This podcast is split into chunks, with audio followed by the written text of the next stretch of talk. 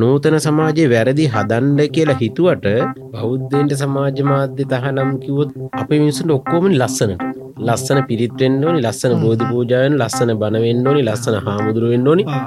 හොඳ බණක් ඇහුව කියලා යනවා. යනවා. එච්චරයි. අර පොඩි ත්‍රිල් එකක්. මුළු රටටම බනින්න. එමත් නැත්නම් තව කාට හරි අපහාස කරන්න. එහෙම නැත්නම් ඊට එතනිනුත් එහාට ගිය මොකක් හරි විකෘතියක් ජනගත කරලා පොඩි අර කිව්වත් වගේ පොඩි පොඩි ත්‍රිල් එකක් ගන්න පුළුවන්. හැඟීම් තියෙන මිනිස්සුන්ට මේ ටික අවශ්‍ය වෙන්නේ හැඟිමිතේ මිනිස්සු හදන්න පුළුවන් කුෂන් අයියා. ඒ වුණාට මාධ්‍ය ආයතන හිමිකරු ඉන්න එයාලබන් ලාබෙන් පස්පලුව තෙල පෙනෙන බහාලුමින් මා බහාලව කියලා කියන එතකොට අර ළඟින් උගතර තේරුණ. යකො මේ බස්කොන් දොස්තට මේ භාෂාව තේරෙන්නේ නෑනේ එයා දන්න භාෂාවෙන් කියන්න ඕනි කියලා හෙළුවෙන් වන පිහිනුවෙන් වනපි කියන. ආ, ඔව්. එත හෙළුවෙන් වනපී කියලා කිව්වේ අපි හිතන ඇඳුන්නතු ආ. වනන්න කියන එක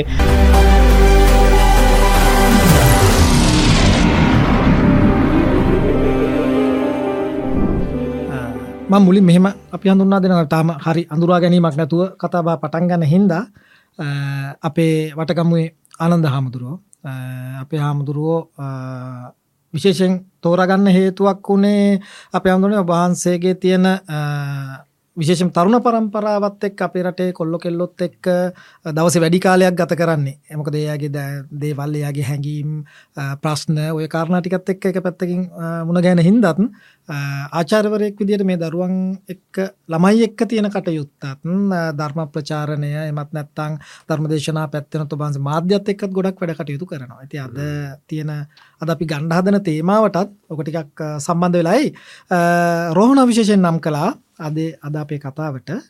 ඒකට හේතුව මාධ්‍ය එක්ක ඒ වගේම මේ රටේ තියෙන වර්තමාන සමාජයත් එක්ක සමාජත් එක්ක කියන කාරණාව ගත්තාම මේ හැල හැප්පිලි ඒක වෙනස්. කුණාටු ඔය ඔක්කොමත් එක්ක මේ හැඩතල ටික තියෙනවානේ.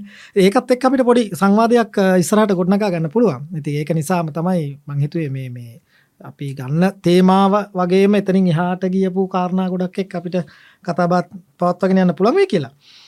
අ, කොහොමනත් අප හඳුනේ මේ මොකද හිතෙන්නේ දැන් ඉති වැඩි තින් සමාජ මාධ්‍ය භාවිතයයි නූතන මාධ්‍ය භාවිතය. අපි කියන්නේ මනාද සමාජ මාධ්‍ය කලාව පුරවැසි මාධ්‍යය භාවිතය.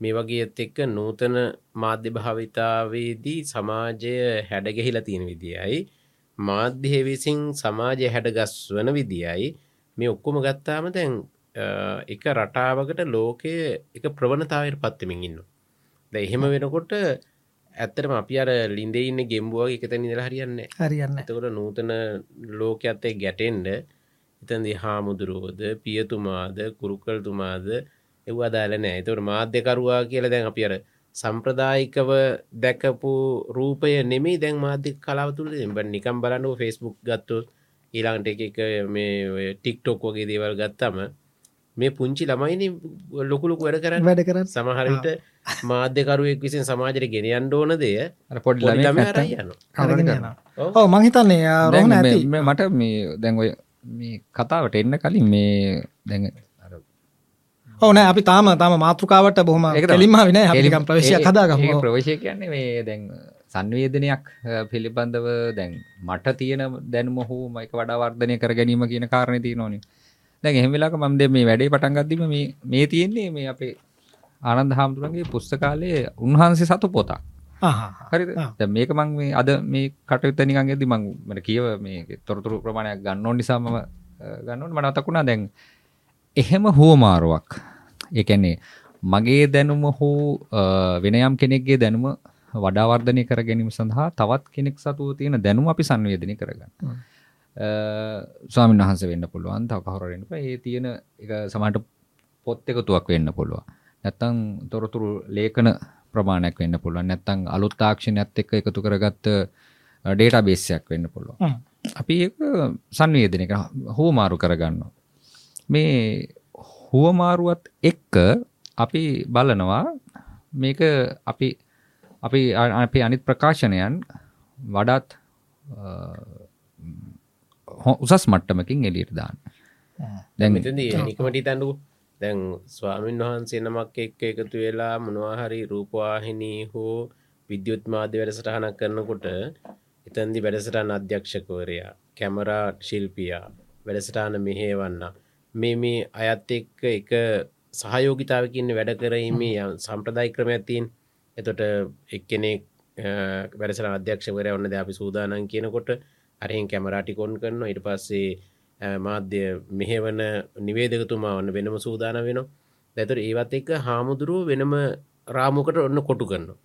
දැයි ඔය කලාව මේ වර්තමාන්ට අනාගතයට ගැලපෙන් නැති රටාවක් කියන්නේ එතොට හාමුදුරුවොත් එතන් ඇත්තර ශාසන භාවිතය ශාසනික මේ රැකවරණය මේවා ගැන ඔළුව තියෙන්න්න මෝනි ඒවත් එක් නවතර අර මෙහෙවීම අර අර ඒ විෂය පද්ධතිට සහ රාමුවට අනුගත වෙන්න අනුගත වෙමින් නූතනයට ගැලපෙන ආකාරයට හැඩගැහෙන්ට වෙන වෙනවා. මතන බෑ. ඒ ඇන අපි ඒක සම්ප්‍රදාය දැඩි ලෙසම හිරවෙන්න ගත්තොත් ඉස්සරහට යන ලෝක එක්ක අපිට කොමත් යන්න වෙන්න දැන් අපි මේ මේ දකින මේ සංවාද කලාව වනත් මහිතන්නේ BBC මාධ්‍ය වේදියෙක් තමයි පටන්ගන්න දෙදහ දෙදා සතුරක මේ බොහොම මෑතකාලීනවා හැබැයි ලෝකෙ බොහොම ජනප්‍රියන හේතුව අර මිනිස්සු සංවාදයක සාකච්ඡාවකදී වනත් හිරවීම ඒක එක් තර විදික එක සීමාවක්නේ. එතකොට ඔව කැනේ අපිට හරියට ප්‍රශ්නයක් දෙන්න ඕන ප්‍රශ්නයට උත්තරේ දෙන්න ඕනේ ඊට පසයා කියලා ඉවර වෙනකං ඉන්න ඕනේ.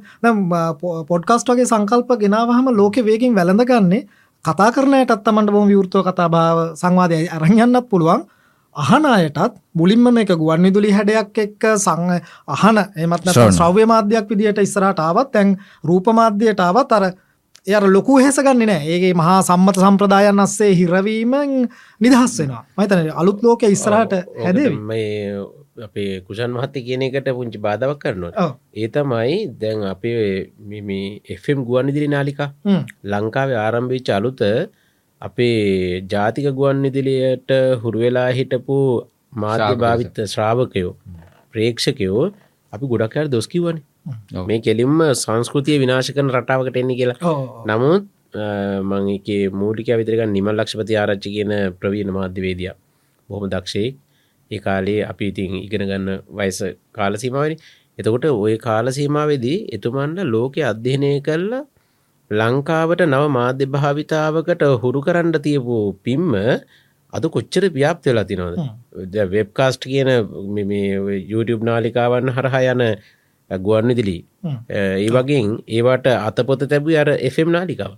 දැන් එහෙම බලපහම දැන් දැම්ගද තාක්ෂණය ලෝකයේ දියුණු වෙලා ඒක විශෂය ලංකාව වගේ රටවල්ලට එන්න කාලයක් ගත වෙනෝනි සමහට මේකත් මේ පරණ වැඩ කටයුත්තක් පරත නිෂ්පාදන කටයුත්තක් වෙන්න අවස්ථාව ඕ මොකද දැන් ආරද අපි දැක්කා අපි ලෝකෙ කියවද්දි අපිට අහු වෙන දේවල් ඊබුක් නවකතා එමත් නැත සාහිත්‍යය වගේ දේවල් සම්පූර්ණයෙන් ආවා. මිනිස්සුන්ට ප්‍රේක්ෂකයට අහගෙන ඉන්න පුළුවන් විදිහක් හැදවා. මේ කරුණු කාරණාත් එක්ක තමයි අපි ටිකක් ඉස්සරහට යන්නේ. අපි කොමත් ටිකක් මාතෘකා පැත්තට බරවුණොත් අප හඳුනේ මේ මාධ්‍යක අවශ්‍යතාවේ මාධ්‍යක අවශ්‍යතාව මිනිස්සුන්ට ඇම්වෙලේම තියෙන අර කතා වුණත් වගේ තොරතුරු දේවල් දැනගන්න මේ බෙදාගන්න ඔය කාරණත් තියෙනවා. හැබැ තව පොඩි ප්‍රශ්නයක් මේක මැද්දෙන් නිකම් මට දැනෙන දෙයක්. අපි බොහම සංස්කෘතික රටවල් විශේෂයෙන්ම බුදු දහමත් එක්ක බෞද්ධ දර්ශනයත් එක්ක සියවස් ගණනාවක් තිස්සේ හැඩගැහිච්ච වෙනත් විදිහේ සංගමයක් තුළ අපි කිසියම් බොම හොඳ පැත්තට එහෙම නැත්තං හොම විනයානුකුල රටාවකට හැඩගැහිච්ච ජාතියක්නේ ලෝකේ අර විවෘර්තවීමත් එක්ක මේ දෙවල පොඩිපොඩි ගැටුම් සමහරතැන්ල ඇති වෙනවා. මොකද මංහිතන්නේ දැන් අපේ කියන්නේ අපි අර මූලිකවම හඳුනාගත්ත රටාවෙන් මිදන්න අර අපේ අමුදුර මුලින් කිවොත් වගේ ඒක කුරුක්කල් තුමාද ස්වාමින් වහන්සේද පූජකතුමාද කියන කාරණාවට වඩා ලෝකෙත් ඉස්සරහට යනකොට නතර වෙන්න බැහැ. හැබැයි සමර්තනකින් ප්‍රශ්නයක් නවා මේ මේ යන්න වැරදි පාරකද කියන එක. මංහිතන් අර ලක්ෂපති ආරච්චි මන්තයට මුලින් ආපු චෝදන වගේම එක්තම එක්තරාතකට වෙන්නේ. අපේ අමුරුත් බොහම ධර්ම ශ්‍රාවක පිරිසක් මාධ්‍යත් එක්කල් ලොක පිරිසක් එකතු වෙලා ඉන්නවා. මේ ලාංකයේ ජන සමාජයට මාධ්‍ය එන්නේ කිසියම් සීමමයින් නැතුව මෙතනත් අපිට සමාරයට මොද අපි මේ හැම කාරණාවම කළු සහ සුදු දෙපැත්තම අපිට අහුවෙනවානේ. දෙපැත්තම බැලුවොත් අපිට කිසියම් සීමාවක් එන්නේ නැතුව අපිට එන්නේ. හැබැයි කොරියාව අයිට චීනය ජපානය ලෝක සමහර සංස්කෘතික රටවල් කිසියම් න්‍යාමනයකුත් එක්කත් ගේනවා. හරි කොහොම වුණත් මේ අවශ්‍යතාවය අපේ රටත් එක්ක ගලපගත්තෝ මොනහරි මේක පොඩි ගැටලු තියෙනවාද සමහර තැන්වල ගැටලු තියෙන අපිට ගොඩක් ලට අන් ලැබෙන මේ මාධ්‍යීන් තමයි මේ ඔක්කොම ප්‍රශ්න වෙන්නේ. අරම කියන එක සමහර තැනක වැඩි වටිනාකමක් තියෙන බොහොම හොඳ දේවල් ටික පුත් වෙනවා. දූපතකට කොටුවත් පොඩක් හිතන්න වෙන කොච්චර වුණ සමහර අවස්ථාවලද අපි. මොකද ඇත්තම කතාවෝකන. අර ඉන්දියනු සාගරයේ මැද ඔය තියෙන හැඩයස් ඉඳනත් පොඩ්ඩක් හිතන්න වෙනවා. එහෙම හිතුවොත් මේ මාධ්‍යත් එක්ක මොනහරි අපිට මීට වඩා මොනහරි එම එකක් තියෙන් ඕද නැත්ත ඇත්තර මිනිස්සුන්ට නිදහස. මිනිස්සුන්ට ඇත්තටම ඔය. ඔබතුමා කියන කාරණාවත් එක් ගත්තම අපි නිගමට හිතන්න අපේ සංස්කෘති භාවිතාව. ද අපේ ගෙවල්වල ඉන්න අය පාටියකට යන්ඩ ඕනුනාම අඳින ඇඳුම් කලාව. මල ගෙදරකට යන්ඩ ඕන්නාම අඳින ඇඳුම් කලාව. පන්සල්ට අන්ඩ ඕන්නාම සැරසෙන විදිිය. ඒ තැන්වලට ගැලපෙන ආකාරයට හදාගන්න හ්ම්. ඒ වගේම ඒ තැන්වලට කියලා හැසිරෙන රටාවත් අපි හදාගන්න ඔය වගේම තමයි අපි දැන් බණගෙදරකට යනවා කියලග ගියාම එතන ඉන්ඩෝනගේ සම්ප්‍රදායික මානසිකත්වය මෙන්න මේකයි. බිම වාඩු එන්ඩෝනි උඩවාඩු එන්ඩ හොඳන බණ ඉවරණකන් නිශ්ශද්ද ඉන්ඩෝන එතකොට ඒ අර හැඩගැරතින් රටාවනි. එතකොට ඔය අර දූපත් මානසිකත්ව කිය මත් ඉස්සලකිවතව එවනට ඒ ඇත දූපත් මානසිකත්වයම නෙමි හ්ම්. ඒක ඇවේල අපේ තියෙන ශිෂ්ඨාචාරයේ විසින් සංස්කෘතිය අපිට පවරල දීල තියෙන විදිිය. ඒක තමයි අපි වටිනකම. ලාංකිකත්වය කෙනෙක තින් එතන ආ. ඒ හින්දා ගැන එතෙන්ට ඒ ඒ සමාජයට අනන්‍ය වූ ලක්ෂණ අන්න හරි ඕ ඒවුනාට දැන් අපි සමහරු හිතනවා නූතන ලෝකෙට දියුණුවෙන් යනකොට අපේළඟ පොෂ් ගතිය තියෙන් ඕන කියලා. ඔය ඒ ගැන සිංගලිෂ් ක්‍රමයට හැදෙන් ඕනි කියලා. ඒක ඇත්තරම ඒ තැනට ගැලපෙන්ඩ ඕනිදිරි දැම් මෙතැද අපි කතා කරනකොට ඔබතුමා ඉගෙනන තිය ඉංග්‍රීසි මාධ්‍යයෙන් නම් ආ. සිංහල වචනොලට දන්න ඉංග්‍රීසි වචන ඔබතුමා ඉගෙන තියෙන සිංහල මාධ්‍යයෙන් නම් ඉංග්‍රිසි වචන දන්නේ නෑ අපි හිතවට ද්‍රවිඩ භාෂාවගෙන දන්නවන හ්ම්. එතුට ඒ වුනාට මෙතැන්දි සන්නිවේදන වෙන්ඩෝන කරන අදහස අර්ථය දෙන්න නූතන භාවිතාව ගන්නට වෙනවා. ඒ ගන්නකොට ඒ වචන භාවිත කරන කලාවත මෙතැදි වැදගත්වවෙන්නේ තැනට ගැලපෙන්න්න හ්ම්. අ, එතකොට භාෂාවට හානියක් නොවන්න මේකත් එක්ක එතට එහෙම ගියාම. සංස්කෘතික හානියක් වෙන්නෙත් නෑ. සමාජහානිය සිද්ධ වෙන්නෙත් නෑ. උමනා කරන්න අර්ථය සිද්ධ වෙනවා. ඒක ගුණාත්ම භාවිකුත්තින් තියෙනවා. සහ ඒක ඇතුළේ ප්‍රකාශනයට ඔව්. ඕන කරන නිදහසත්තිය මහිතන ඕක කියනකොට ටිකක් ටීවී බැලෙන හින්දා ඉඩක් ලැබුණ ලාක ටීවක පොඩක් බලන්න ඉඩක් ලැබෙනද මතන මෑත කාලේ මේ ලොකු සංවාදයක් ඇතිවෙන්න ගත්තාර රූපායනී වැඩසටහනක් නාලිකාවකින් විකාශනය කරන මේ මේ ඒක පොඩි ප්‍රශ්න විචාරත්මක වැඩසට අනඳ පොඩි අර ඉංගියක් දෙෙන අරාපිකේ මොකද අත්තක් උඩ බුම්මාගෙන කටුරෙද්ද පොරවාගෙන වගේ සංකල්පය සමහර වෙලාවට අතිනූතන කරලා ගේන්න ගිහිල්ලා වෙන ප්‍රශ්න හැදන වෙලා ලුත්තියන ඒක මහිතන අර අප හොඳරු කිය කරන්න වාරි ම ඕකට තව ක- මේ අදහස එකතු කරන්න. එක පාරක් ඔය කියන්න කොළඹ යුගයේ අපේ මුනිදස් කුමාරතුන් මහත්තල කාලි කියලා. හෙලහුලේ කවි කලාවහෙම තිබ්බ කාල් එක්තරා හොඳට භාෂාව ගැන ඉගෙන ගත්තද උගත්තු දෙන්නෙක් බස් එකින් යනවා. යනකොට එක්කෙනෙක් කොන්දොස්තර මහත්තයට බස් පලුව කියලනි කියන් බස් පලුව තෙල පෙනෙන බහාලුමින් මා බහාලව කියර කියන එතකොට අර ළඟයි නොගතර තේරුණ. යක බස් කොන්දොස්තට මේ භාෂාව තේරෙන්නේ නෑන ඒ නිසා මූට මේක එයා දන්න භාෂායෙන් කියන්න ඕනි කියලා හෙළුවෙන් වන පිහිනිුව මනපි කියන එත හෙළුවෙන් වන පිය කියලා කිව්වේ අපි තන ඇඳුන්නතු. වනන්න කියන එක. නමුත් ඒකනවකිවේ මේ මේ භාවිතා කන භාෂාවෙන් කිය කියන්නේ. සිංහලෙන් කියප. හරියට කියලා. දන්න සිංහලෙන් කියන්න. දන්න රිංගෙන කතා කරන එක ආගමට සංස්කෘතිය රිච්චර හනියක්ෙන් හනියක් වෙන්න ඕ මහිතර ඔය දන්න සිංහලෙන් මේ මේ කතා කරන්න තිවල අපි සමාර්තැඟල ගොඩක්ෙන් ප්‍රශ්න ඇත ඇති කරගන්නවා. මොකද අපේ තියෙන මව් භාෂාව හරි වෙන්න පුළුවන්. ඒක මිනිසුන්ට තේරුම් කල විදියක් තියෙද්දී. මෙ මිනිස්සුන්ට දැන දැනෙන්ට සරලව ඒක මිනිස්සුන්ට සමීපනි කැන මිනිසුන්ගේ විඤ්ඥානයට යන විදිහට කතා කරන්න ඕන. ඒක ඒක වෙනස් වෙනවා අපි උදාරගෙන නිෂ්පාදනය කරන වැඩසටහන් ඒවම් ඒවත් එක ඒක වෙනස් වෙන්න පුළුව හ්ම්. නමුත් හැම්වෙලාම මිනිස්සුන්ට දැනෙන විදිහට මිනිසුන්ගේ ජීවන් රටාවට දැන්න විදිහට ඒක සංවේදනය කරන ඒක තමා වැදගත්දේ. සමහර රෝණයගේ අදහසත් එක්ක මෙතැන් ගැටුමක් නෙමේ මේ දැන් සමහට ගැටුමක් කාලීන කාලීන ධර්පදේශන කර මිනිසු බලාපොරොත්තුවන හමුදුරුවන්ගේ. දැ ඔතන්දි බලාපොරොත්තු වෙන්නේ බුදුහඳුන ධර්ම දේශනා කරන්න කියලා කිව්වේ මුල මැද අග කියන තුන්පොල යහපත් වූ ධර්මය දේශනා කරන්න කියන ද අපේ මිනිසු මේ බනහනුව කියනකොට සමහරට අල්ලපු ගෙදර මනුස්සයට බනින්ඩ උමනයි නමුත් හැමදා මූුණ දකිනින්ද බනින්ඩ බෑ කරන වැරැද්ද ගැන බනටෙන හාමුදුරුව කරනවා. අන්න විවේචනය කරවල මේ කන්නේ කොහොමද කයන්නේ කෝමද අඳින්නේ කෝමද ඕව ගැනති විවේචනය කරයින් පස්සේ අර අනි ධර්මදේශන මූලික හිතන අද නඳුන්න හාමුදුරු නියමට හවලට වදින්නම. ඉතිතර බලාපොරොත්තුනේ ධර්මදේශනයෙන් බලාපොරොත්තු වෙන්නේ නිවනට මනුසය ශ්‍රද්ධාවට යොමු කිරීමනේ. නමු ශ්‍රද්ධාව පැත්තෙන් පැහැදීමට ආවේ සිත කෝපයට පත් කරන පැත්ති. අල්ලපුගතට බැස්ටිය බැස්ටිය දීල. ඒ පැත්තෙන් තමයි ශ්‍රද්ධාව එයාගේ හිත ඇති වුණේ නමුත් හරියට බැලුවත් ධර්මයෙන් ශ්‍රද්ධාවට එන්න ඕනි. තියන්ද සමහරිතන කාලින ධර්ම දේශන කාලින මදුර ධර්ම දේශන එක තියෙන් ඕනි. දැන් සමහර අපේ ජනප්‍රිය හාමුදුරු ඉන්න. උන්වහන්සේ ධර්ම දේශනාව නරකයි කියන නෙමේ උන්වහන්සේලා ඒ කාලෙට ඒ භාෂාව භාවිතා කරලා නූතන සමාජයේ වැරදි හදන්ඩ කියලා හිතුවට ඇත්තට මෙලුත් හැදින්න. හැදන්න. හැදින්න. නික අහලා හිනාවෙලා හොඳ බණක් ඇහෝ කියලා යනවා. යන එච්චර අර පොඩි ත්‍රිල්ල එකක්. අන්න එකත ඒද බනින් ඒක තමයි මගේ වචන භාවිතාගෙන හරිනෑ නේතමන් කියන්න. ඒක මේ ඇත්තරම සිද්ධ ඊලක ප්‍රශ්නය දැංග අපි දන්න විදිහට දැංගුවන් විදලි එන අපිට.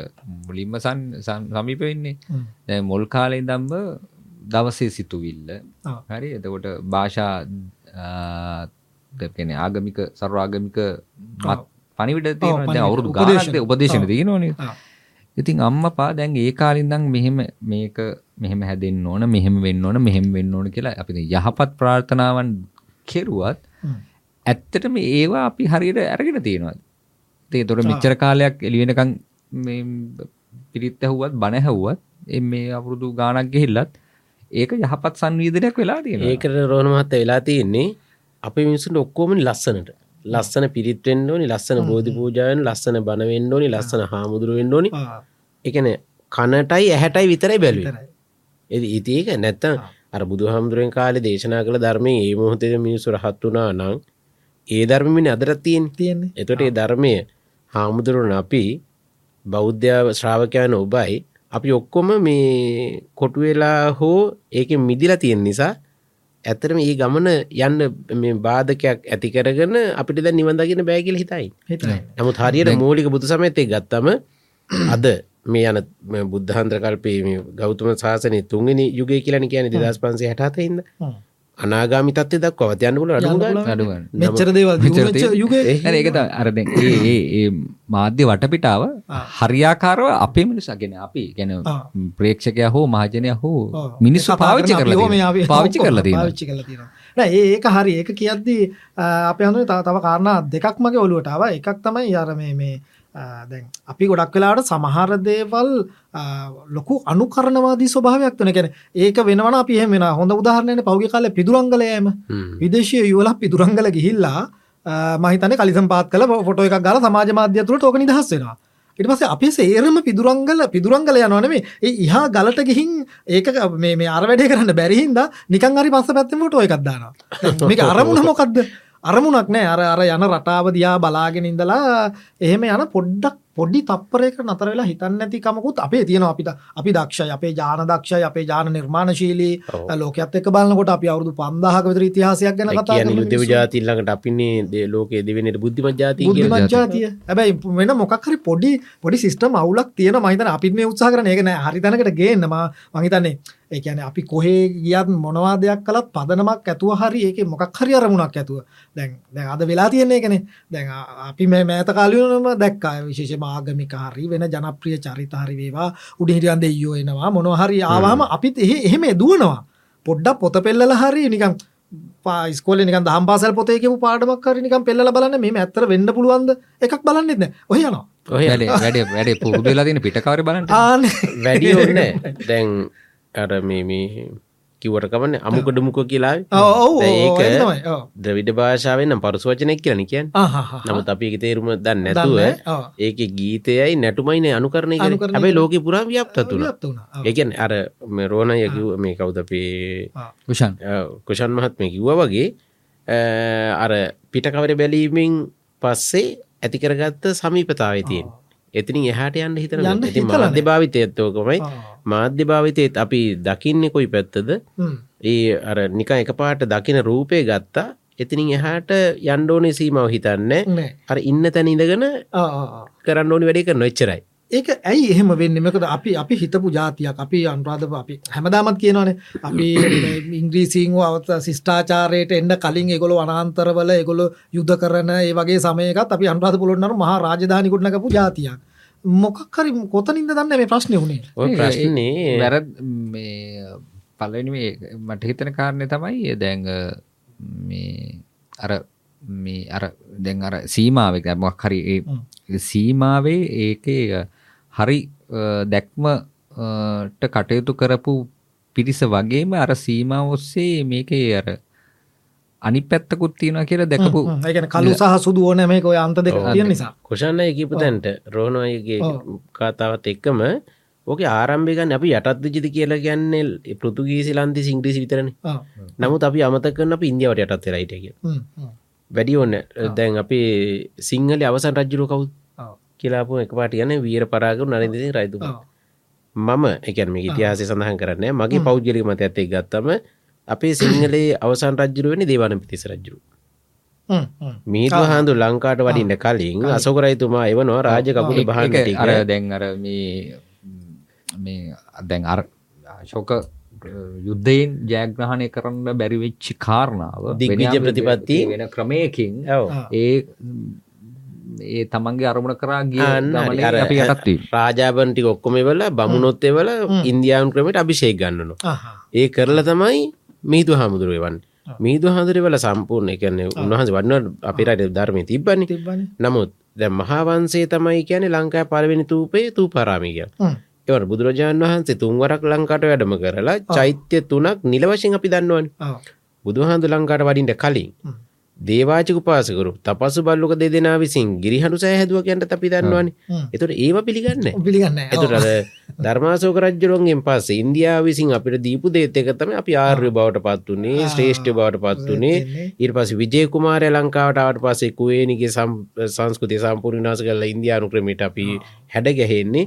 අපි යන්න ඔත්තන තමයි. එතන තවකාරණක් අප අමු දැන් ඔව්. රජ්ජුරුවෝ ගෙනල්ලා අභිෂේක කල්ලා ඒටික කලාට පස්සේ රජ්ජුරුවන් වටා ඉන්න පිරිසත් බ්‍රහ්මණ වංශිකෝටිකනේ ඊට පස්සේ මැතියමතුරු මේ අද වෙනකං එන්න ටික සෙට් එකම එහෙංආපු රාමණ වංශිකෝටික තමයි රජ්ජුරුවෝ දෙපැත්තේ වාඩි. වෙන්නේ. ඇති ඒ එතෙන්ද එම් බලද්දී ඔය ඔය කියන කාරණාවත් එක්ක අපි ගොඩක් මේ මේ ඒ ඒ යටත්වීමක් එමතන වෙන වෙන බලයක් ඇතුළේ හැදිච්ච එකක් ඉන්න අප අර නිවහල් එමත් නැතම් නිදහසේ හිතනවා කියන එක මංහිතන කොතන නැති වෙලාගේ පොඩ්ඩක් අ, එකැන නැතිවීමකට- විජකුමාරය ලංකාටෙන්ට කලින් තිබිච්ච සම්පූර්ණ ප්‍රෞ්ඩ ඉතිහාසේසා ස්වාභිමානය දේශාභිමානය කියනේවා හ්ම්. අරගොල්ල හින්දතම අපිට ඇතිවුණේ කියලා ඉට පස අපිට දුන්න ඔලුවට. ආ.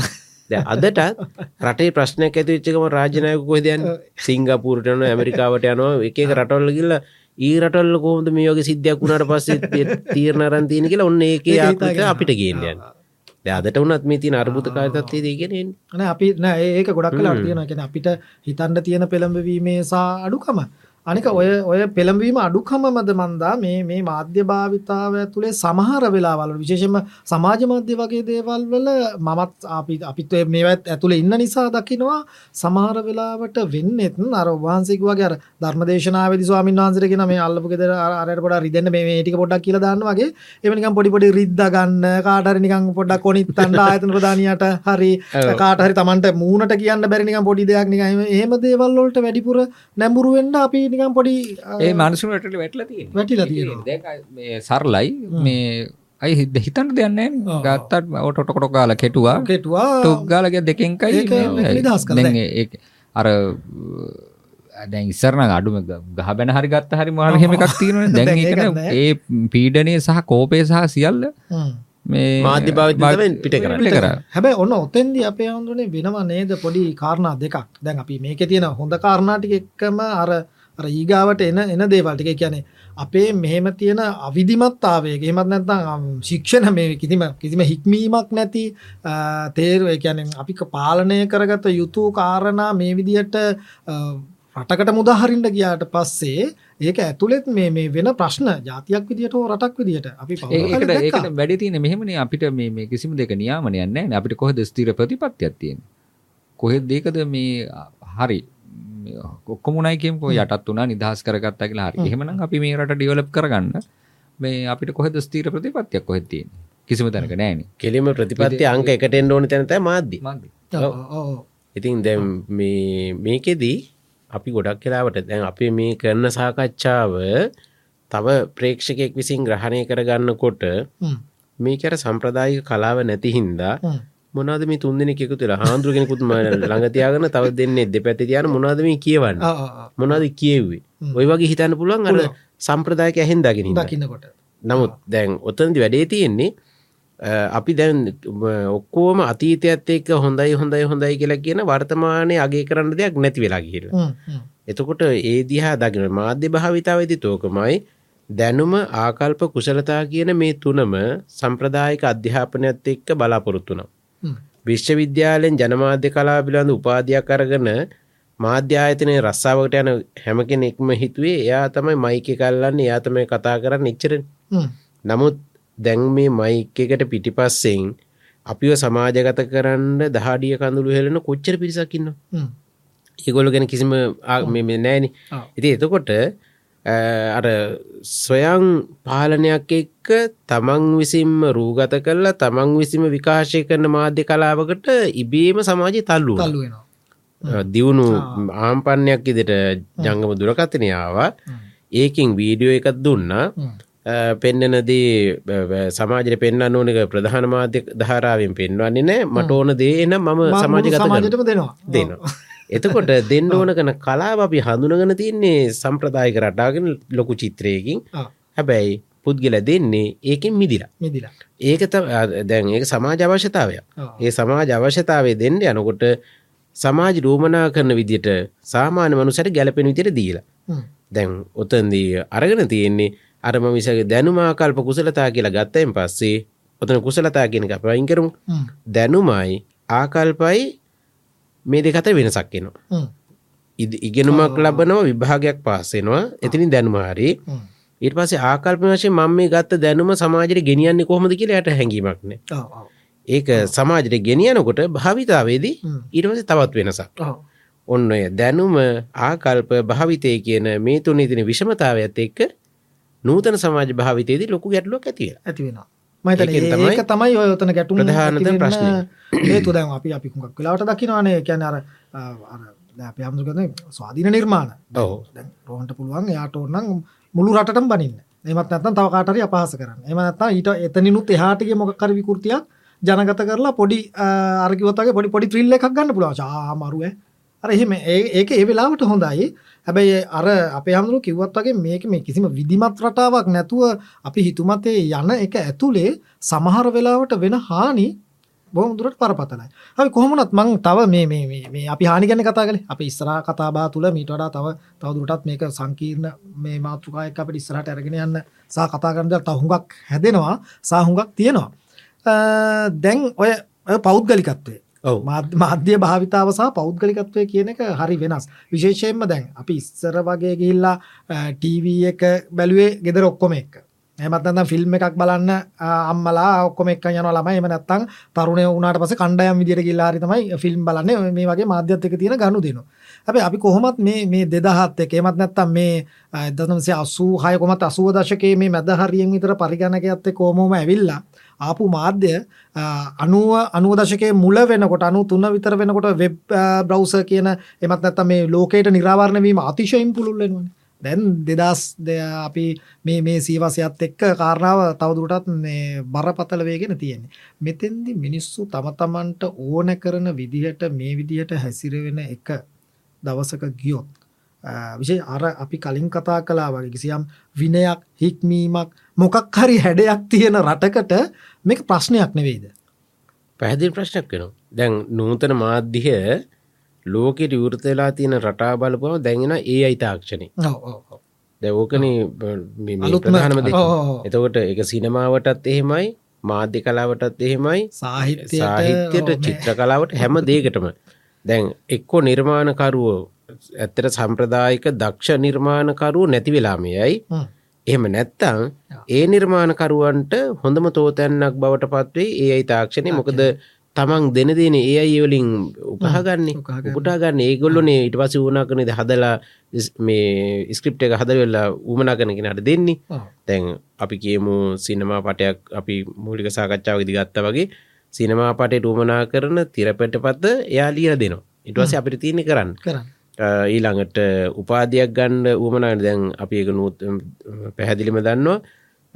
චඩ්ජීපිට කියන තාක්ෂණ ඇත්ත එක්ක හරි ලේසි භාගි ලියන්නද ඔව්. එතකොට මොකද මම මමම ඒකට අත්දැකීම ගන්නේ.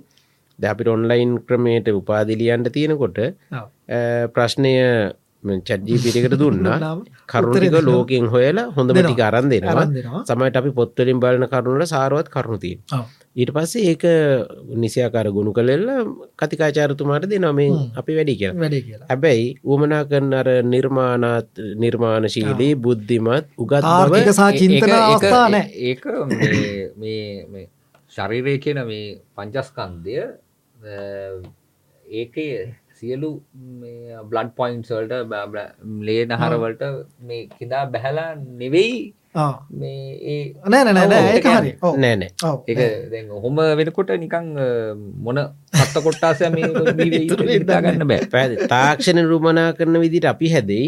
අපට උමනා කරන තාක්ෂණය නැතිවේ නැති වෙනවා. ඔව්, ඒ ඒ- ඒ කාරණාව හරිමක දැන් දැන් අප හමුදුරර කිපු කාරණාවතක දැන් ආ, අපි හිතන්න ඔද උපාධ නිබන්ධනයක් කරන ශිෂ්‍යයක තමන්ගේ නිබන්ධනය සඳහා පුස්තකාලය පෙරලලා රටේ ලෝකෙ දැනු මැරගෙන මේවා තර්ක කල්ලා විතර්ක ගොඩ නගලා සිද්ධාන්තකට මේ එන මැජික් ගොඩක් කරන්න එප. ඔලුවට මොලට දාඩි දාන වැඩක් නයෝක ඒකන හැමෝටම කරන්නත් බැරි. ඒතකොට ඒක හරි වෙහෙස කර සහ ඒකට ඒකට වෙන හැකියාවක් කාලයක් කැපවීමක් අනිවාරෙන් කරන්න ඕන. හැබැ මංහිතන එහෙම කරලා එලියට එන්න උගතෙකුට තියෙන වටිනකම එමත් නැත යාගේ තියෙන දැනුම සදාකාලිකයි අපි දන්නවා අපේ හිටපු ජේෂ්ඨ මහාචාර්යවරු මේ ගිලන් ඇඳේදී පවා ඒගොල්ලන්ගෙන් රට වැඩ ගන්නවා. මොකද ඒ තාම ඒක තියෙනවා. හැබැයි අපි මේ ChatGPT වගේ තාක්ෂණ වැරදියට පාවිච්චි කරනවා. මං කියන්නේ මේ මේවෙන් අපිට ගන්න වැඩ සෑහෙන තියෙනවා. හැබැයි මේ විදිහට භාවිතාවේ වුණොත් එම මේව සරල මාර්ග විදියට පාවිච්චි කළොත් ඉස්සරහට තියෙන්නේ මේ හරි ඔක්කොම තියෙනවා මිනිස්සුන්ට. ඔක්කොම තියෙනවා. ඔක්කොම තියෙනවා. හැබැයි ඒකින් සමට ඩිග්‍රියකින් ෆස් ලාස්ම ගණ්ඩත් ගන්නත් පුළුවන්. එයා කවදරි ආයතනයක් බාරගෙන ආයතනය නිලධාරී කියලා වැඩ කරන්න යනකොට ප්‍රායුක භාවිතයේදී ප්‍රායෝගික ලොකු ප්‍රශ්නයක් වෙනවා මේ අමාරු වැඩෙන. ආ, ඉති මාධ්‍යකරුවන්ටත් වෙන්න නොකුම ආ. තාක්ෂණය ඉතින් ඔක්කොම දැන් දෙනවා. ප්‍රායෝගික භාවිතයක් කරන්නනකොට අනිත් වටපිටාවත් අර පරිසරයේම හැදිච්ච කොට්ටාසයක් වුණොත් ඒක වෙනම කතන්දරයක් වෙයිනේ. ඕන ඒක වෙනවා ඒ ඒ ඒ තාක්ෂණයෙන්ම පිරිපුන් පරිසරයක මිනිස්සුම ටිකක් හිටියොත් ඒක වෙනස්ම කා- කතාවක් වෙයි. හැබැයි දැන් අපේ මේ අපේ මිනිස්සු රට ගිහිල්ල දැන් අ, නිල නොලත් මෙහිකාර සේවය කරන්න හ්ම්. ගෘහපාලිකාව කිය. එතකොට ඒ සේවය කරන්නේ ඒ රටල්ල මිනිසු දහඩිය මහන්සේ උපේන දන්නේ නෙමෙයි අප මිනිසුන් පඩිගවන්. යාලට ලැබි ලැබෙනවා. ලැබෙන මුදලෙන් කොටසක් පඩි විදිරිගවන්න ඒගුල උපේනවනෙමේ. එකන අපේ මිනිසු නෙමේ ඔව්, ඔව්. එහි ව්‍යාපාර කර්මාන්ත අයිතිකාර. එතකොට ඔය වගේ මාධ්‍ය භාවිතාවේදෙත් මාධ්‍ය විසින් දෙන දෙ අපි ගන්නවා. මාධ්‍යට අපිට යමක් කරන්න බැරිවෙන හ්ම්. ඕතන්දි ප්‍රධාන ගැටලොක්මති එකන්නේ තාක්ෂණික උපකරණයට ඔක්කොම කමාන්ස් ටික දීලා මෙන්න මේ දැන් මේ අපේ මේ වැඩසටහන කියනු හ්ම්. උමනාගන් ඩේට ටික එන්ට කරනවා මැසින්වලට කැමරාවලට. මේ මේ වෙලාද මේටික දෙන්න කියලා ඊට පස්සේ අපි සාකච්ඡාව කරන කැමරා ශිල්පි කවුරුත් අවශ්‍ය නැහැ. ඊට පස්සේ එතනින් එක පැත්තින් රැකියා බිඳ වැටීමක් එනවා ඊට පස්සේ උමනා කන ගුණාත්මක නිර්මාණශීලි මාධ්‍ය භාවිතාව සහ. මාධ්‍ය නිර්මාණ කරණය. ඒක නැතිවිලා යනවා නැති වෙලා යනවා. දැන් අපි හොඳම උදාහරණයක් ගන්න පුළුවන් දෙදස් විසි දෙකේ ඇසල පෙරහැරේදී කරඩු අරගෙන ඇතා මේ සඳගලට පාතබන ඒවා. ඒ පාදපට අවස්ථා අපේ දක්ෂ කැමරා ශිල්පිය එක ලස්සන්ට පීවර ගන්නවන අර. මේ. පාවඩය හදල ඇතා බිමට. අඩිය තියනේ. එතකොට අර නූතන මාධ්‍යයට ඩේට දුන්නෙන් පස්සේ අරවා එන්නේ නෑ ඒක අදාළ නැහැ. එන්නේ ඒක තමයි මොකද? මම කියන්නේ. හැඟීම් නෑ. අපිට අනිද එකන කමාන්්ඩ එක එමත් නැත්තං අවශ්‍ය කරන විධානය දෙන්න පුළුවන්. හැබ හැඟීම් දෙන්න. හැඟීම් දෙන්න. ඒ එහෙමුණොත් දැන් අපේ මේ පිටුවස්සිර අපේ මල් ඔව්, කැමරා ශිල්පී මහත්තුරුටිකින්. ඒගොල තිතන ඇති දෙන සරටමට හොම යොත්තේ අපිටත් රස්සාාව නැති මේ ඒක හැබැයි ඒක අපිට අපිට පරිසං වෙන්න නම් තියෙන්නේ හැඟීම් තියෙන මිනිස්සු ටිකක් කොහමරි හදා ගන්න වෙනවා මොකද හැඟීම් තියෙන මිනිස්සුන්ට මේ ටික අවශ්‍ය වෙන්නේ. හැඟිමිතේ මිනිසු හදන්න පුළුවන් කුෂන්න අයියා. එවුනාට මාධ්‍ය ආයතන හිමිකරුවන්න එයාලබන් ලාබෙන් ඔව්. අන්න එතන ලාභය ගැන හිතනකොට අර හැඟීම් අදාළ නිර්මාණ ඉන්න- ඒවා දාල වෙන්න හැඟීම්. ඔව්. මොකද ලාබේට හැඟීම් දෙන්න ගියොත් ලාභ ගන්න බැරි වෙනවා. ඒක ඒ- වෙනවා. එහෙම පොඩි ප්‍රශ්නයක් ලෝක ඇතිවන විශේෂම අපි මේ මන් නම් තාම දන්න එක අපි සංවර්ධනය වෙමින් යනවාද සංවර්ධනය වෙනවාද මන්නන් තේරෙන දවසිදන් ඇ අපි වෙමින් යනවා කියලා. තාම ඒක එහෙම යනවා ඒ ඔය ආර්ථිකසා දේශපාලන ලෝක කතාවන. එවුනාට ලෝකෙ අද වෙන නිර්මාණය හෙට ලංකාවටනවා ඒකෙන් අපේ ලෝකෙ ඉන්න බුද්ධිමත්සා උගත් මේ ජනවර්ගාතරි ලංකාවේ අය. නාසායතන සීරහතලිස් පහකිද අද ඉන්නවා කියනවාන.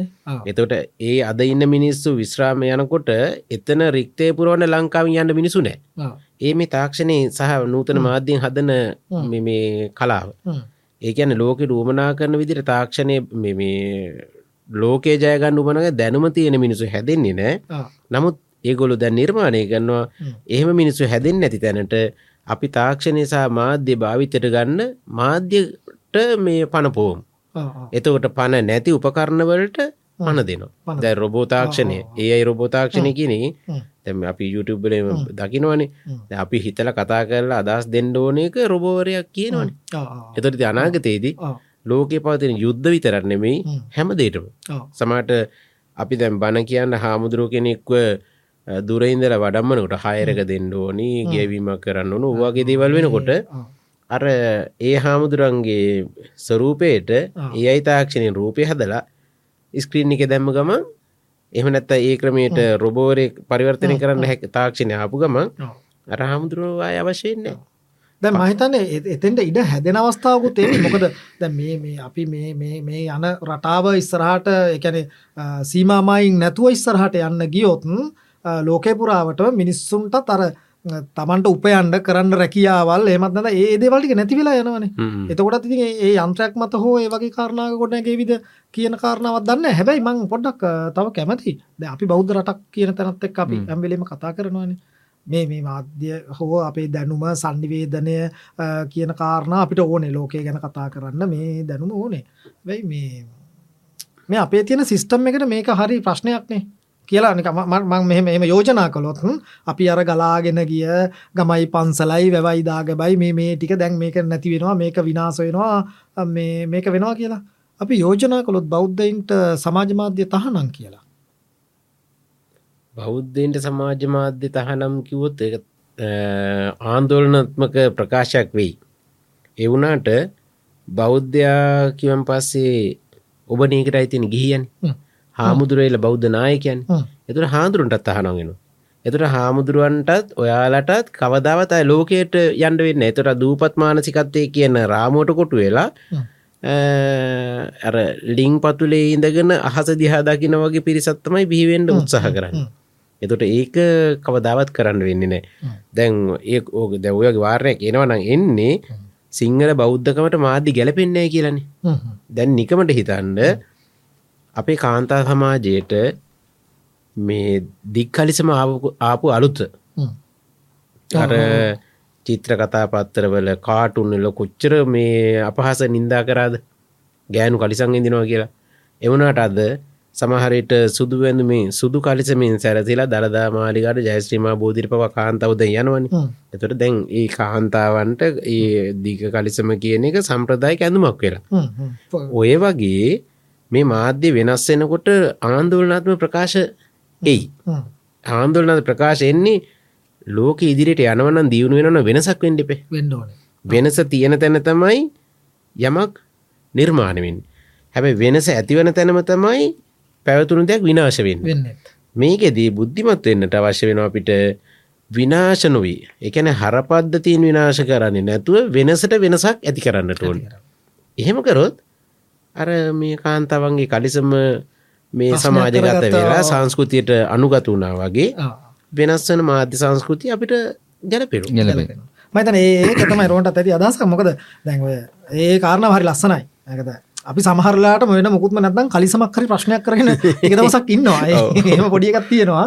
හැබැයි ඒ ඒ වුණාට මං අපි අර කලිනුත් කතා කළා වගේ මේක ඇත්තටම නොගැලපෙනවාද කියන එක අපි හිතන්නේ නැතුව එක පාරටම පාර ගහනවා නම් ගහගෙන ගහගෙන ගහගෙන ගහගෙන යනවා අපි දැක්ක මේ මේ රටේ මෑත කාලීනව ඇති වෙන තරුණ සිද්ධි තරුණ නැගිටීම් මෙහෙමත් නැත්තම් මේ ඕක උතන කාරණා ඔක්කොම. ඔතන ප්‍රශ්නය තියෙන්නේ අර වේ දැන් ඔය දැන් ගොඩක් වෙලාවට මේ අලුත් පරම්පරාවත් එක්කන ඔය. කාරණාව. මොකද මේ අලුත් තාක්ෂණ භාවිතය සහ ඒක පිළිබඳව ඉන්නේ. ම- ඒකට හේතු අර අපේ පරණ කියවීම ඉතිහාසය කියවීම අපි කවුද කියන එක මේ සැබෑ සිද්ධිවල අත්දැකීම් නොලැබිච්ච එක මේ මොකද මේ මේ වෙනස්වීම් වල අත්දැකීම් ලබපු මිනිස්සු. මේ කියන්නේ ලංකාව ඉතිහාසය තුළ වෙනස්වීම් ලබපු වෙනස්වීම ලබපු මිනිස්සු මේ ගැන වෙන අතන ගැටුම්කාර සිද්ධි අත්දැකීම් ලබපු මිනිස්සු මේ දැගෙන්නේ නඩු වෙලා යනවනේ. ඒක මේ අලුත් පරම්පරාව අය ඒක දන්නේ නැහැ. ඒ කියන්නේ ඒ පිළිබඳ එක්කෝ හැද කතන්දරින් විතරයි. කතන්දර විතරයි. ඒකත් එක්ක දැන් අර දැන් මෙහෙම ඔහොමයිතමු දැන් අපි මීට දැන් අවුරුදු 50කට 60කට එහා වටපිටාවේ සිද්ධි දැන් කිව්වට අපිට සමහරට ඒක එච්චර ඔව්, දැනෙන්නේ අදාළව නැතුව අදාළව නැහැ වගේ. ඒ වගේ දැන් ඉන්න බර ඉතින් හරි ඉතින් ඒ කාලේ ඉතින් මේ උදේ රේඩියෝ හුවා පිරිත් ඇහුවා. දැන් ඉතින් එහෙමනේ දැන් ඔකට හොඳ ඉතින් උදාහරණය දැන් උපාල විජයවර්ධන මහත්මයා මේ ආසියායට හොඳ කෝටිපතියෙක්නේ. ඒ කෝටිපති අතර එක්කෙනෙක්. එතොට ජපානය මෝටර් රතය හදන්න කලින් ලංකාවේ උපාලි පියට් කාරක හැදෙන් එතෝට ගුවන්යාන පෞද්ගල් ගුවන්යාන භාවිතා ගන්න දැනවතුන් අතර ඔහු තමයි මේ දකුණවාසය ප්‍රථමය බවටත් පත්වෙන් ඇති ඒතකොට එයා. ඊලාන්ට අපි ශ්‍රීමාව බණ්ඩාරණයක මැතිනය ගැන කියනවා. එතකොට ඇය ඒ කාලය ඇතිකරපු ප්‍රතිපත්ති අපිට ඉවස ගන්න පුළන්න උනානං අද ලංකාව සුරපුරයා ඊට පස්සේ අසුවට අසු නමේටාවෙන් පස්සේ කියනවා ලංකා විනාශ කරේ එදා තිබ්බ සිවිල් යුද්ධය. ඒ දේශපාලන ව්‍යාපාරය කියලා. දැ මේ ඔක්කොම කියන්නේ ඒ කාලෙ හිටපු වැඩිහිටියෝ ටික. ටිකෙන් කොට සත්තාම ඉන්නවන. ඉන්නවානේ. ඒ ඉන්න ටික ඇහෙන් දැකලා පත්තරෙන් දැකලා සිද්ධිවලට මුහුණදිල් අත්දැකීමෙන් ප්‍රකාශ කරන අය ඉන්න.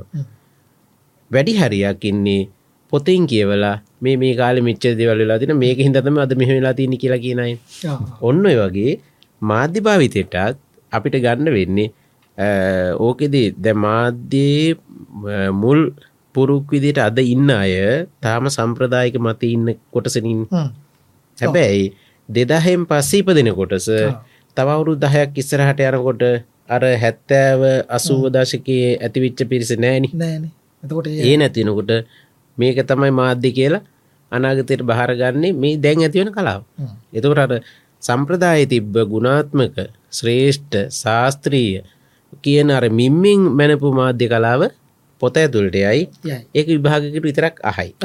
ඒක විභාගට ඇහුවත් ළම ඉගෙන ගන්න චඩ්ඩී පිටගේ උත්තරයට අරගෙන කොලේට යයි. ඒත් ළම ඉගෙන ගන්න නෑ. කොෂන් සරල බේමේස මොකට පොඩි උත්තරේ තියෙනවා. ආ. මේකයි කුයි ගියා. තාගා තව ගියා. සවිනාසිකාව තව ගියා.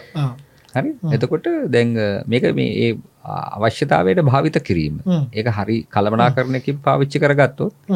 ඒක අපිට දැන් මේ එහෙම වුණා කියලා. අපි මේ මේ අව ගමන්මන් කොහෙර නැවතිලා නෑ හ්ම්. සන් දැන් අපි මේ තොරතුරු මේක ඔස්සේ සංවේදනය කරගන්නවා දැන්. වහන්සේට කතා කරනට වාට කරන මම මේක පාවිච්චි කරන තාම.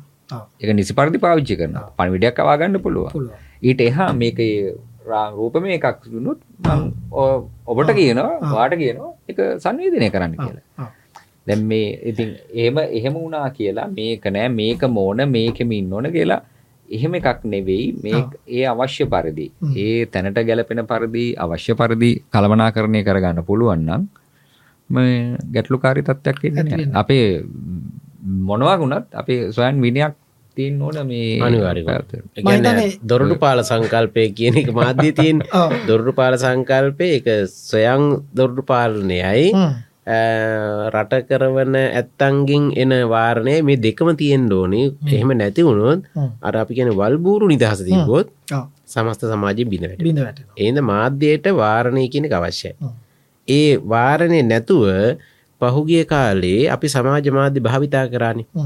ඒ භාවිතා කරපයකට මම මේ සම්පූර්ණ අනුමත කරන්න මේ වර වර්තමානය අන්තර්ජාල මනාද මේ පනත ආපයක හ්ම්.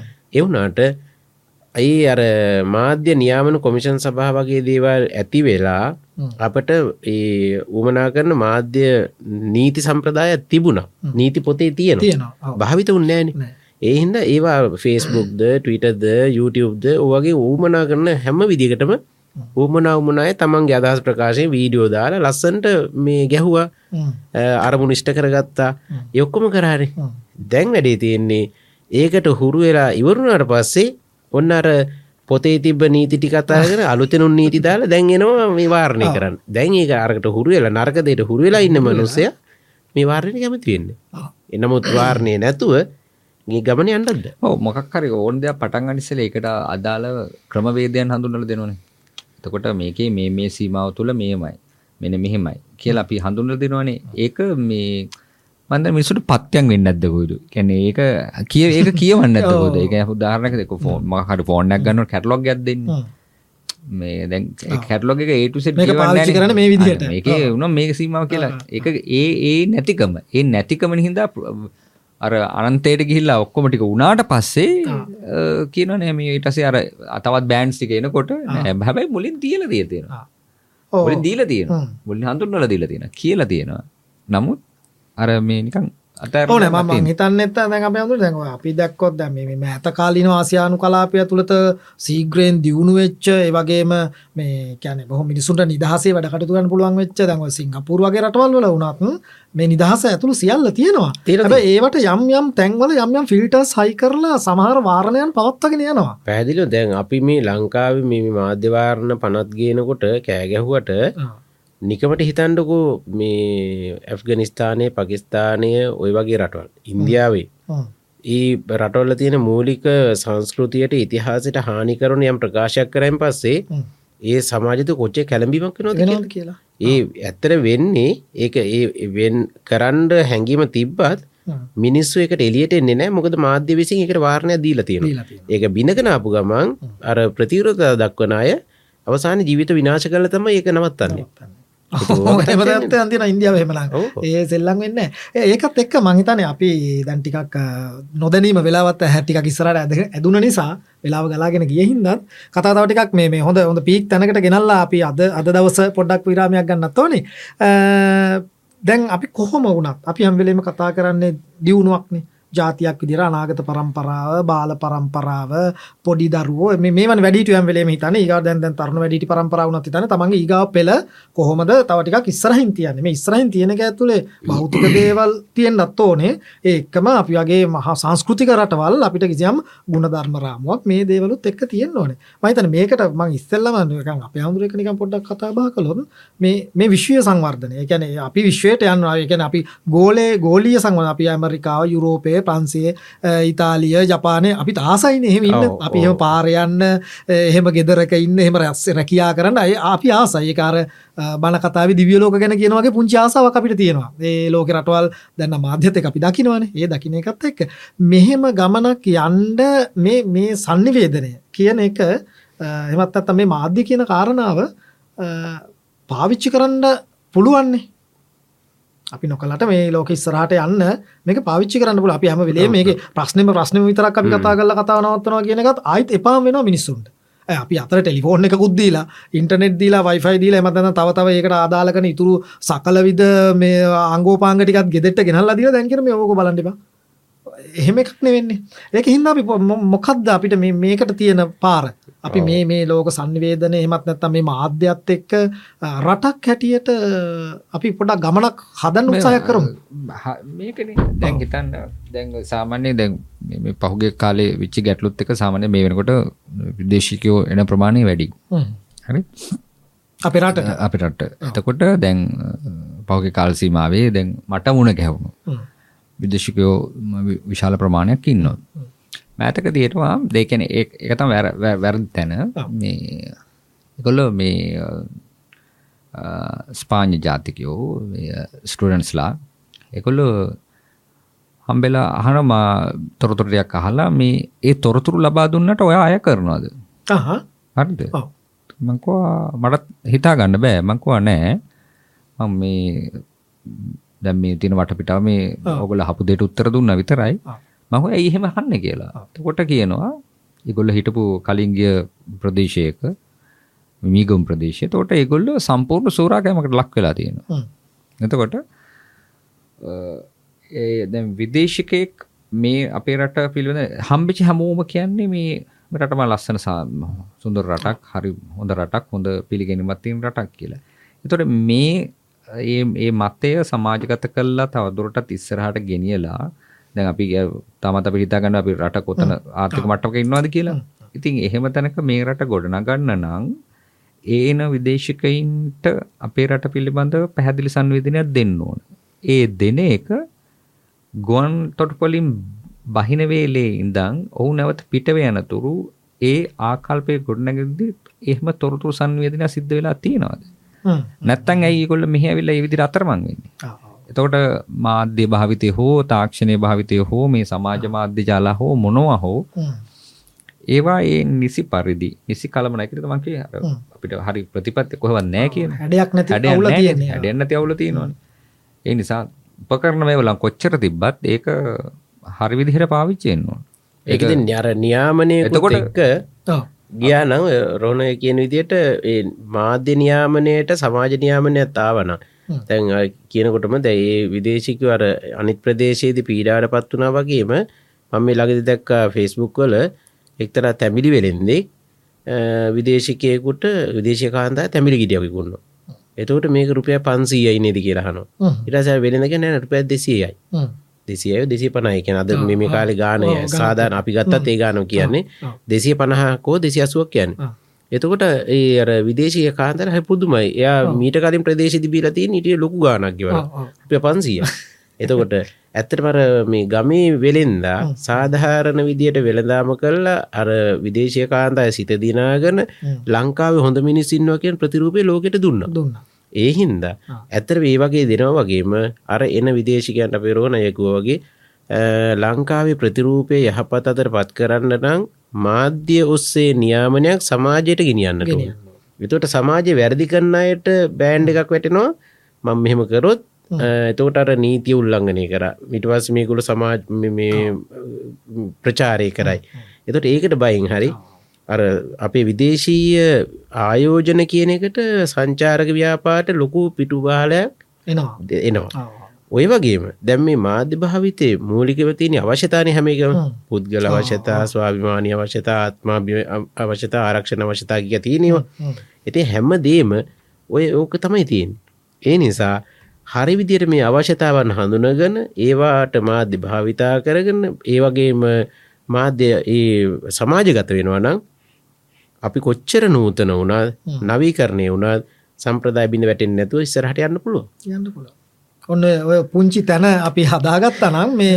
මේ තරම් වෙහෙස කර දෙයක් නැතුව අර ඒ කිව්වත් අපේ රටත් ලස්සන වේවි. අපේ රටේ මිනිස්සුන්ට තියෙන වටිනාකම දැන් ඒ කියන්නේ ජාතියක් විදියට හෝ වේවා ලාංකීය මේ හැඩය ඇතුලේ ලංකාව කියන්නේ යන්න වටින බොහොම ෂෝක් රටක් හොඳ දෙයක් කියන එක ඒ එක පැත්තකින් හැදෙනකොට ආගම් හතරත් තියනවා කියලා. කියනවා ඔව්. ඒවනට මූලික වෙන බුද්ධ ධර්මය කියනක ලෝකෙන් පිළිගන්න ලෝකෙන් පිළිගන්නවා. එතුට බෞද් බුදු සමයත් එක හැදිච්ච මනුස්සයාගේ මානවගුණ ධර්ම කියනවනේ ලෝකෙට යන්න ඕන. එතුට අර දැක්කපුගා මේක සුද්දෙක් සුද්දියක් මුංගල හොඳර සල්ලි තියනක කඩාගන්න කියට හරියන්න නේ ආ. ඉති අපි සුද්දව සුද්ද කරන්න ගිය ගම අපි සුද්ද වෙන සුද්ධ වෙනවා. ඔව්. ඒ ජාතියක්ම සුද්ධ වෙලා ඉවරයි. ඒ ඊට ගැලපෙන මාධ්‍ය හරියට කල්පනා කරණය කරලා නිවැරදිආකට ගිනිච්චනම් කිසි ගැට ලෝකෙන්නේ මහිතන්නේ ඕක තමයි. ඉස්සරහට යමු. අපිට ඉස්සරහට තියෙනවා තව දෙයක්. මේ- කාරණාව ටික ඉස්සරහට කතා කරගෙන යමු. රට ලස්සන කරන්න. අපිට අපිට තව කරන්න පුළුවන් දේ මාධ්‍ය විදියට හෝ වේවා වෙනත් විදියකට මේ පණිවිඩය අරගෙන යන්න. අයි දවස කම්පිමු අපි සතියකට දවසක් අපි පෙල්ල පුංචි කතා බහද්දා පොඩි කතා භාගට